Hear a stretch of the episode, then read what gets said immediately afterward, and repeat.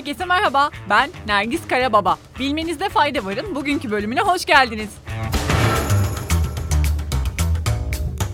Saç bakımınız ya da cilt bakımınız için kaç tane ürününüz var? Kaç tane nemlendirici krem kullanıyorsunuz? Çok değil mi? Yayınlanan bir rapora göre 2020 yılında küresel ölçekte güzellik endüstrisinin değeri 662 milyar dolardı. Ancak kozmetik atıklarının çok büyük bir kısmı günün sonunda hep çöp sahalarına gidiyor. Sürdürülebilirlik danışmanları da burada sorumluluğun daha çok kullanıcılarda olduğunu belirtiyor. Astronomik atıkların oluştuğu güzellik endüstrisi, sürdürülebilirlik konusunda zamanın inanılmaz gerisine diyen uzmanlar, ürünlerin son kullanma tarihlerine göre hareket edilmesi gerektiğini de dile getiriyor. O zaman kısaca hatırlatmakta fayda var. Rimeller genelde 3 ile 6 ay, krem ve fondötenler 12 ile 18 ay ve rujlar 2 sene içinde kullanılmalı. Sırada Covid-19 ile alakalı bir haberimiz var. Pekin'de yaşayan vatandaşlar Şangay tipi bir karantinaya girme korkusuyla süpermarketlere koştu. Şehir genelinde bir karantina uygulanması durumunda kısıt olacağı endişesiyle hareket eden insanlar pek de haksız sayılmaz. Pekin'deki yetkililer şu an yaşanan salgının sinsi bir biçimde ilerlediğini ve kaynağını asla bilmedikleri açıklamasını yaptı. Dün Çin'de 3266 adet semptomatik ve yine 20454 asemptomatik vaka tespit edildi. Ama bu vakaların 19455'i ise Şangay'dan geldi. Ve Şangay'da karantina tam 4. haftasına girmiş durumda. Şehirde yollar kapalı olduğu ve yine çok az sayıda kurye çalışabildiği için insanlar gıdaya erişimde sorun yaşıyor. Bunu gören Pekin halkı da şimdiden hazırlığını yapmaya başladı. Pandemi herkes için bitsin artık.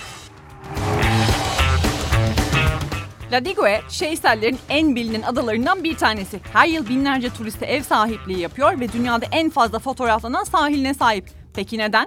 10 kilometre karelik adada yalnızca 3000 kişi yaşıyor ve bu kişiler ana ulaşım aracı olarak bisiklet kullanıyor.